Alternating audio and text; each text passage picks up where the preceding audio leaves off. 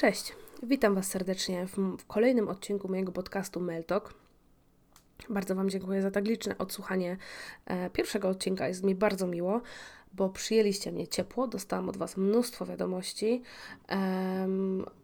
Komentarzy w zasadzie nie było gdzie pisać, bo na YouTube podcast wyleciał później, ale dzięki za wszelakie Wasze zaangażowanie, bo daje mi to kopa zdecydowanie do mm, dalszej pracy nad podcastem. Dzisiaj chciałabym porozmawiać z Wami albo porozmawiać do Was na temat Norwegii. Dostaję y, dużo pytań w związku z tym tematem i chciałabym w końcu zebrać y, to wszystko gdzieś w jednym miejscu, żebyście sobie mogli to y, lajtowo odsłuchać. Zaczynajmy. Najczęstsze Wasze pytania dotyczą pracy i zarobków w Norwegii. Czy trzeba znać język norweski? No wiecie, wypadałoby, skoro jedziecie do kraju mm, obcego pracować, fajnie by było znać e, ichniejszy język. Natomiast ja pojechałam znając podstawy podstaw. W dodatku miałam taką blokadę, że powiedzenie cześć, do widzenia, jak się masz, y, po norwesku graniczyło u mnie z studem. Miałam też trochę utrudnione to przełamanie swojej blokady mm, norweskiego z racji tego, że uważam, że dobrze mówię po angielsku i mogłam się spokojnie dogadać z e, Norwegami, ponieważ oni również dobrze znają angielski. Niektórzy mają akcent taki, że no ciężko momentami zrozumieć, ale w większości naprawdę dobrze mówią. Może to starsze pokolenie niezbyt, ale oni raczej nie chcą. Oni raczej nie mówią po angielsku z wyboru, e, żebyś to ty się nadwyrężył i mówił po norwesku. Mm. Wiem, że na takie stanowiska typowo fizyczne, typu sprzątaczka, murarz, hydraulik i tak dalej, angielski wystarczy. Norwegia coraz bardziej otwiera się na zagranicznych pracowników, no bo kurczę, Norwegów jest mało i większość z nich celuje w jakieś takie no, wyższe stanowiska. Y, były nawet badania, że do któregoś tam roku, chyba 2025, zabraknie im e, pracowników fizycznych. No i tym sposobem pojawiają się wakaty dla Polaków, Litwinów, Słowaków, których jest tam bardzo dużo. E, również e, osób muzułmańskiego wyznania. Oni są z miliarda różnych krajów, więc no, nie będę wymieniać. Um, więc angielski, jeśli jesteście zainteresowani pracą w Norwegii, jak najbardziej Wam wystarczy, ale na pewno musicie mieć potwierdzone swoje kwalifikacje na papierze, CV w języku angielskim. Dobrze jest znać parę słów po norwesku, chociażby dlatego, że mm, Norwegowie są mili z pozoru, ale jeśli będą wiedzieć, że nie rozumiesz, no, no będą próbowali Cię tam pogadywać za plecami na przykład, więc dobrze znać chociażby podstawy, bo wtedy po słowach mniej więcej takich, wiecie, kluczowych jesteście w stanie dojść do tego, czy ktoś Was robi w konia, czy nie. Także polecam się wcześniej zapisać na jakieś yy, zajęcia. Poza tym możecie się też troszeczkę nauczyć wtedy słuchając swoich współpracowników, jeśli już dojdziecie do etapu pracy. Jeśli chodzi o zarobki, owszem, są wysokie, Oczywiście wszystko zależy e, od stanowiska, ale e, wiem, że na przykład cieśle, e, jak widziałam czasem ogłoszenia, czy przepraszam, nie cieśle, tylko pomocnicy cieśli, stawki zaczynały się gdzieś od 190 koron na godzinę. Też, tak jak mówię, zależy gdzie, zależy u kogo, zależy w jakim mieście, bo ceny mieszkań, ceny żywności, ogólnie ceny wszystkiego są zależne od miejsca zamieszkania, tak samo jak zależna jest Twoja wypłata. Um, ogólnie, tak jak powiedziałam, zarobki są w porządku, bardzo w porządku, ale jeśli zarabiasz w Norwegii i wydajesz w Polsce, jeśli żyjesz w Norwegii i prowadzisz tam swoje gospodarstwo domowe, y, te podstawowe zarobki są niewystarczające i trzeba się dokwalifikować i piąć je gdzieś wyżej, żeby po prostu sobie niczego nie odmawiać. Natomiast traktowanie pracownika jest dużo lepsze. Masz dużo więcej praw. E, jeśli coś mm, dzieje się nie tak, możesz się zapisać do związków zawodowych, które potem stoją za tobą murem i pomagają. Są nakładane ogromne kary na pracodawców, jeśli nie przestrzegają umów, jeśli nie przestrzegają prawa względem ciebie jako pracownika. I ja pracując w Norwegii, czułam się naprawdę mega bezpiecznie jako pracownik. Momentami miałam wrażenie, że mam więcej praw niż ma mój pracodawca. Tak samo jeśli chodzi o podatki. Owszem, są wysokie, ale są one uzależnione od tego, ile zarabiasz. Strasznie mnie to rozśmieszyło, jak w skacie, czyli norweskim y, urzędzie podatkowym, urzędzie skarbowym, przepraszam, wypełniało się taką rubryczkę, jakie są przewidywane e, Twoje zarobki w nadchodzącym roku. No i tam, jak zaczynałeś pracę, no mogłeś sobie wpisać wszystko. I yy, pamiętam, że ja z racji tego, że, że no, byłam już tam z dzieckiem, e, miałam chyba stopę yy, tego odprowadzania podatku na poziomie 32%. Natomiast mój mąż, yy, jako że on, jedna tylko osoba może dopisać do siebie dziecko, albo możemy obydwoje, ale wtedy to się dzieli na pół i stwierdziliśmy, że to bez sensu. on miał chyba 35%, coś takiego. E, więc każdy jakby każdy twój, twój grosz, każda, każda twoja y, koronka e, będzie miała odprowadzony podatek w zależności od tego, ile tych koron norweskich zarobisz. Um, co tu jeszcze Wam mogę powiedzieć o tych zarobkach? Aha, z każdej Waszej pensji odkładane jest ferie pengę, czyli taka jakby polska trzynastka. Jest ona wypłacana od czerwca do sierpnia i to są takie pieniądze mm, wakacyjne, wakacyjny dodatek. Z każdej pensji jest to urywane i potem właśnie macie y, przypływ y, gotówki, żeby sobie jechać na wakacje, bo Norwedzy w lipcu y, wakacjują bardzo. Co jeszcze o zarobkach mogę powiedzieć? Mm, jeśli policzycie sobie mm, przeciętne zarobki, czyli na przykład jak macie te 190 na godzinę y, koron, po odjęciu tych 35% podatku na przykład, to przy 7,5 godzinnym dniu pracy, bo, bo takie są, y, takie jest według prawa y, dzień pracy, 7,5 godziny, wszystko powyżej to już są nadgodziny, to tych pieniędzy wcale nie wychodzi tak dużo, bo pokój pokój, nie mówię o całym mieszkaniu, tak jakby wynajmowaliśmy, ale pokój jeden kosztuje mniej więcej 5,5 tysiąca koron. I to już jest taka cena, która jest naprawdę dobra. Jeśli Ci się trafi coś poniżej, to jesteś po prostu szczęściarzem. Bardzo ciężko jest trafić coś poniżej, chyba że pasuje Ci mieszkanie w skrajnej klitce. E, odliczając od tego mm, wyżywienie, gdzie na, jak my szliśmy do, do sklepu, i robiliśmy zakupy na tydzień na nastroje, gdzie Niko wtedy był mały i nie jadł jakoś mega dużo, no to um, 1500 koron szło się bujać, czy jakieś 750 zł.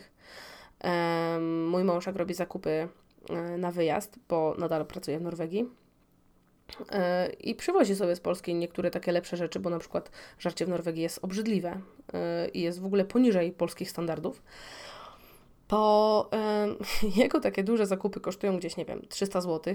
A gdyby chciał to samo kupić w Norwegii, to za taki pełny biedronkowy wózek zapłaciłby z 3000 koron. I jeśli chodzi o jedzenie, to jakościowo te rzeczy byłyby gorsze niż w Polsce. skoro jesteśmy przy jedzeniu, to mm, mięso w Norwegii jest obrzydliwe. Kurczak śmierdzi, jest obślizgły. I tak naprawdę ja przez większość czasu miałam wrażenie, że jemy nieświeżego kurczaka. On w smaku niby był ok, ale jak trzeba go było obrać czy coś, to. O matko, okropne to było, naprawdę. Bardzo niefajny ma zapach. Nie wiem skąd oni go sprowadzali, bo my mieszkaliśmy na północy, więc nie mieliśmy takiego szerokiego dostępu e, do wszystkiego, jak na przykład ma Oslo. E, ale no, jakość była zatrważająca. E, tak samo owoce, ze względu na to, że jednak no, na północy jest bardzo daleko i w ogóle wszędzie w Norwegii jest wszędzie daleko, e, to ten transport wliczany w każdy ten produkt jest mocno odczuwalny w jego cenie końcowej. Tak jak na przykład były truskawki. I w Polsce ten koszyczek truskawek, to się nazywa chyba łubianka, zawsze mi się myli, no kosztuje no powiedzmy, że maksymalnie do 30 zł, no to w Norwegii kosztowało około 70 zł. I e, to nie był taki koszyczek jak u nas, tylko tych truskawek tam może było 15. A jeśli cena była niższa, to truskawki były przygnite w większości i już nie było sensu ich kupować.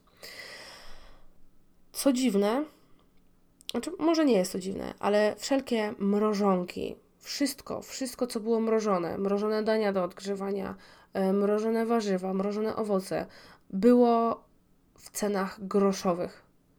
I tutaj, o dziwo, było naprawdę dobrej jakości. I niektóre te mrożonki, no mi osobiście śmierdziały, ale ja byłam w ciąży, więc to się nie liczy. Ale w smaku były niezłe. Czyli trochę odwrotnie niż w Polsce, bo większość dań y, mrożonych w Polsce według mnie jest y, podła. I najśmieszniejsze jest to, że y, kupując cały czas takie mrożone fasty i tak dalej, no to dobra, może nie, bylibyśmy, nie bylibyśmy najzdrowszymi ludźmi na świecie, ale zaoszczędzilibyśmy drugą pensję. Tak jakby. Bo tyle pieniędzy schodziło na kupno zdrowych produktów, które są potrzebne, żeby wyżywić dziecko. Ceny przedszkoli. W Polsce, no też zależy gdzie, ale wydaje mi się, że do 1500 z wyżywieniem w dużym mieście można by się było zmieścić. Natomiast tutaj to była cena wyjściowa bez jedzenia w norweskim przedszkolu, gdzie było to przedszkole domowe, więc jeszcze nie taki duży aglomerat i jedzenie musieliśmy organizować y, dziecku sami. Także ceny przedszkola też uważam, że spore, chociaż przedszkole było świetne. Mm, bardzo byliśmy zadowoleni. I tutaj w Polsce oczywiście nie brakuje świetnych, świetnych przedszkoli, mm, ale tam jednak te dzieci miały dużo większy kontakt z naturą. Na przykład y, nawet przy minusowych temperaturach wychodziły na zewnątrz. Y, byle kiedy odbierałam Nikosia y, w momencie, w którym akurat żarł śnieg. I wszystkie dzieci to robiły. I to było mega śmieszne. Nikt nie ingerował w to ich poznawanie świata. W Polsce trochę brakuje mi takiego zaufania w kwestii właśnie natury, że daje się dziecku taką wolną rękę, żeby tą naturę y, poznawało na swój sposób. I oczywiście wiadomo, trzeba trzymać rękę na pulsie, żeby, no nie wiem, nie zażarło żółtego śniegu. E, ale tam było to takie mega naturalne. Oni po prostu byli spokojni, że te dzieci sobie nie zrobią krzywdy, są na zamkniętym e, placu i nikt im tam nie przeszkadzał w zabawie. Dopóki się nie biły, dopóki nie robiły nic takiego, co zagrażałoby ich zdrowiu, nikt nie zwracał uwagi. Mogły sobie żyć swoim życiem, były wolne. Także bardzo mi się to podobało, e, taka wolność. E, I na przykład drzemki mieli w szopie. Zabrzmi to kontrowersyjnie. To była szopa oczywiście, z której było przejście do przedszkola, ale mieli tam wózeczki, śpiworki, w piżamkach e, z takim specjalnym, e, w takim specjalnym kombinezoniku z wełny, E, dzieciaki sobie spały w tej szopie, w tej przybudówce, po to, aby się hartować. I na początku się z tego śmiałam, że Boże, mój dzieciak śpi w szopie, ale z drugiej strony Nikodem za cały nasz pobyt w Norwegii nie chorował mi poważnie ani raz.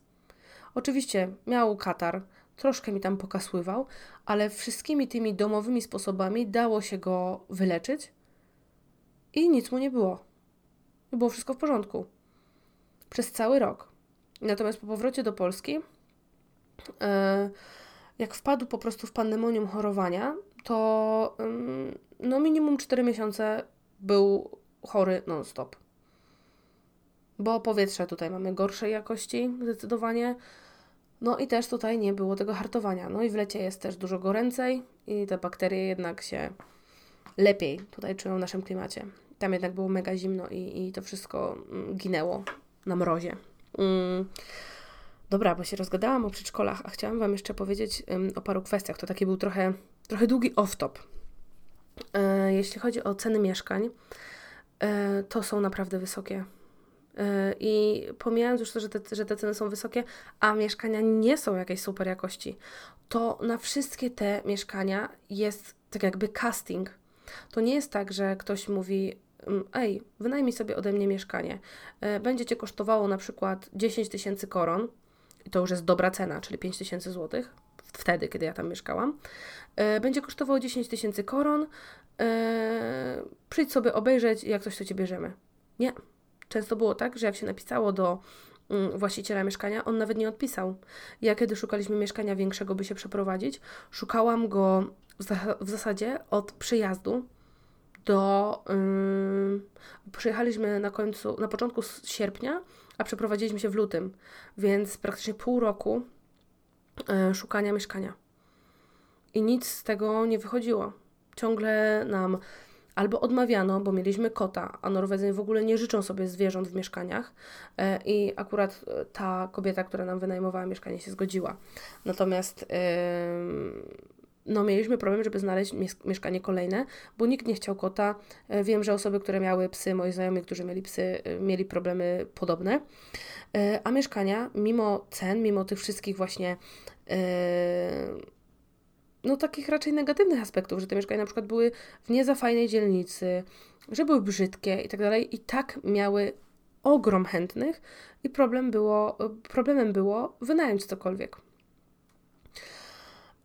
Jak już się nam udało umówić na oglądanie mieszkania, zostało zaakceptowane to, że, że tak, mamy kota mm, i kobiecie, która chciała nam wynająć mieszkanie, to nie, nie, nie przeszkadzało, to do oglądania mieszkania wraz z nami przyszło jeszcze z 8 par. My byliśmy zdecydowani i e, zostaliśmy wybrani dlatego, że z racji posiadania dziecka byliśmy spokojnymi lokatorami, e, plus to był osobny domek. Mieliśmy fuksa, bo akurat znaleźliśmy e, mały domek wolnostojący, więc e, właścicielka interesowało tylko to, czy ten dom doczyścimy po, po tym pobycie kota w nim i nic poza tym. Ale no, szukaliśmy bardzo długo. I to był fuks, że udało nam się to znaleźć. Ja się zapisałam na wszystkie możliwe grupy, na wszystkie ogłoszenia, które chociaż minimalnie nam pasowały. Um, zgłaszałam naszą kandydaturę. E, I też troszeczkę jest tak, że udało nam się, bo y, no, podnieśliśmy swój próg kwotowy. Bo bez tego niestety by się nie obeszło, ale mieliśmy ten komfort, że byliśmy tak jakby na swoim, bo nikt nam nic nie ingerował. Okazało się też, w maju, wy mieliście tutaj majówkę, a ja w maju dowiedziałam się, że mam z tyłu ogródek. Bo było tyle śniegu, że jak stopniał na, tak na początku maja trochę, to okazało się, że, że jest z tyłu jakiś placyk malutki e, z trawką, ze skałkami, gdzie mogę sobie posiedzieć później z dzieckiem. E, no, długo się nim nie cieszyłam, bo e, dwa dni później z powrotem go zasypało, ale już w czerwcu mogłam z niego korzystać. Także było bardzo wesoło. Co do służby zdrowia, bo część z Was może nie wie, ale moje drugie dziecko, Cornelia, urodziła się w Norwegii. I o służbie zdrowia mogę powiedzieć tyle, że z mojej perspektywy, perspektywy kobiety, która była tam w ciąży i miała przyjemność tam urodzić dziecko, tak, przyjemność, to no, Polska nie ma podjazdu do Norwegii. Szpitale y, czyste, pachnące, przychodnie to samo, czyściutko, pachnąco, pielęgniarki przemiłe, położne do rany przyłóż. Jedzenie kozak. Naprawdę bardzo smaczne. Po porodzie leżałam w hotelu, który przylegał do szpitala. Miałam normalnie hotelowe jedzonko na wypasie.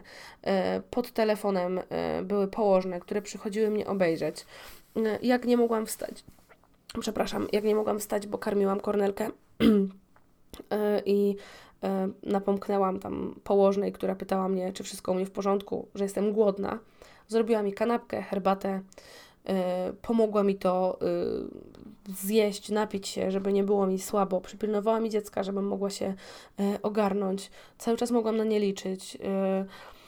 Naprawdę no, kurczę, mam porównanie z porodem w polskim szpitalu i jakby no nie. było, było ok, ale w porównaniu z Norwegią bardzo, bardzo blado to wszystko wypadło. E, naprawdę wszystko, wszystko takie było dopracowane i można się było poczuć bezpiecznie, swobodnie. Ja się totalnie czułam tam chciana na tej porodówce. E, nie jakby ktoś mi robił łaskę, że dobra, przylazłaś, to sobie już tu róć. Tylko zaopiekowano się mną naprawdę na wysokim poziomie. E, i tak jakby ja grałam pierwsze, pierwsze skrzypce. Bo często z opowiadań nawet innych y, kobiet, ja akurat jeśli chodzi o poród w Polsce, miałam w porządku mm, położną, naprawdę była wspaniała, e, ale już ta opieka po porodzie, no to mówmy się, że była różna. A tutaj wszystko, jak od początku miało wysoki poziom, tak wysoki poziom do samego końca e, utrzymało. I powiem szczerze, że mm, najbardziej rzuciło mi się w oczy to, w oczy, w nos, że jak weszłam na oddział na dodatkowe badania, e, to pachniało tam klopsikami, a nie śmierdziało brudem i wiecie, środkami odkażającymi. Także bardzo miłe pierwsze wrażenie, zwłaszcza dla kobiety w ciąży, która wieczorem była głodna. Jezu, nie chcę Wam przedłużać, bo już 20 minut yy, gadam. Yy, dodam może jeszcze tylko, że bardzo dużo yy, osób, które przyjeżdżają do Norwegii, narzeka, że norwescy lekarze nie są aż tak dokładni, że w ogóle na wszystko paracetamol, tak samo jak w Anglii, że y, nie dają w ogóle leków. Mm, ale wiecie co? Mieszkałam tam rok i y, byłam w ciąży, która była dosyć trudna. E, nie była zagrożona nic z tych rzeczy, ale miałam sporo różnych dolegliwości e, i jak tylko wyszło mi minimalnie coś źle w badaniach, to miałam e, więcej wizyt u lekarza, bo normalnie spotyka się z lekarzem co 6 tygodni i co 6 tygodni z położną, czyli chyba raz z lekarzem, raz z położną co te 6 tygodni. Nie chcę Wam teraz pomieszać, bo jednak to było dwa lata temu, ale mm, ja miałam tych spotkań z lekarzem dużo więcej, bo miałam w zasadzie co, e, co dwa tygodnie i miałam wtedy badaną krew, badany mocz i tak dalej. E, jak tylko wyszło coś y, więcej w tych badaniach, byłam kierowana na USG, byłam kierowana na y, dodatkowe y, badania mające wykluczyć opcję, że coś dodatkowego mi dolega. Mm, jeśli, jeśli czułam się źle, miałam problemy żołądkowe na przykład, e, dostawałam leki na prośbę. Nie było problemu z tym, żebym dostała, e, nie wiem czy można to nazwać chorobowe, ale zwolnienie, bo moja praca była fizyczna i z racji moich dolegliwości ciążowych e, i tych spowodowanych przez ciążę, bo miałam bardzo duże problemy z kręgosłupem, takie, że nie mogłam się poruszać, dostałam od razu zwolnienie e, i też przechodziłam kontrolę w związku z tym, żeby e, wiedzieć, czy mogę do tej pracy wrócić, czy nie. No niestety mi się już nie udało wrócić, bo wraz z postępem ciąży rosły te dolegliwości. Ale powiem Wam, że mimo wszystko miałam to zaufanie do lekarzy, że okej, okay, może nie dawali mi antybiotyków, no bo też byłam w ciąży, ale tak samo mój mąż, jak chodził do lekarza, czy syn, nie dostawali antybiotyków, ale mimo tego dało się ich wyleczyć. Yy, I Nikodem nie chorował. Raz był, raz był przeziębiony, tak jak Wam mówiłam. Yy, I dostał chyba tylko jakieś takie delikatne, ichniejsze wziewy, żeby po prostu lepiej mu się oddychało, bo już miał naprawdę duży katar. I to wystarczyło. W Polsce lekarze troszeczkę, wydaje mi się, za dużo walą tych antybiotyków ludziom. I potem wpada się w taki lub chorowania, że kończysz antybiotyk, masz osobną odporność, bo żarłeś antybiotyk, ale żresz antybiotyk, bo znowu jesteś chory, bo, uwaga, miałeś obniżoną odporność. I tam jednak tych antybiotyków się unika. Jednak yy, używa się tych yy, naturalnych sposobów i one naprawdę działają. I ja z opieki medycznej, z tego jak się zajmowano mną, moją rodziną, byłam i jestem bardzo zadowolona. Uważam, że y, szukanie lekarstwa w naturze jest logiczne i jest mądre. I uważam, że lepiej zapobiegać niż leczyć. Słuchajcie, tyle chyba chciałam powiedzieć na temat mm, Norwegii, służby zdrowia, pracy, zarobków. Jeśli będziecie mieć pytania y, w tej kwestii, zapraszam Was pod y, mój podcast na YouTubie, y, bo tam możecie komentować, zadawać pytania. E, niestety Spotify nie ma możliwości pisania komentarza, przynajmniej ja o takiej jeszcze nie wiem. Jeśli ma, to wyprowadźcie mnie z błędu. Kochani, dotarliśmy właśnie do końca części pierwszej. Na drugą część zapraszam Was już w poniedziałek. Do usłyszenia.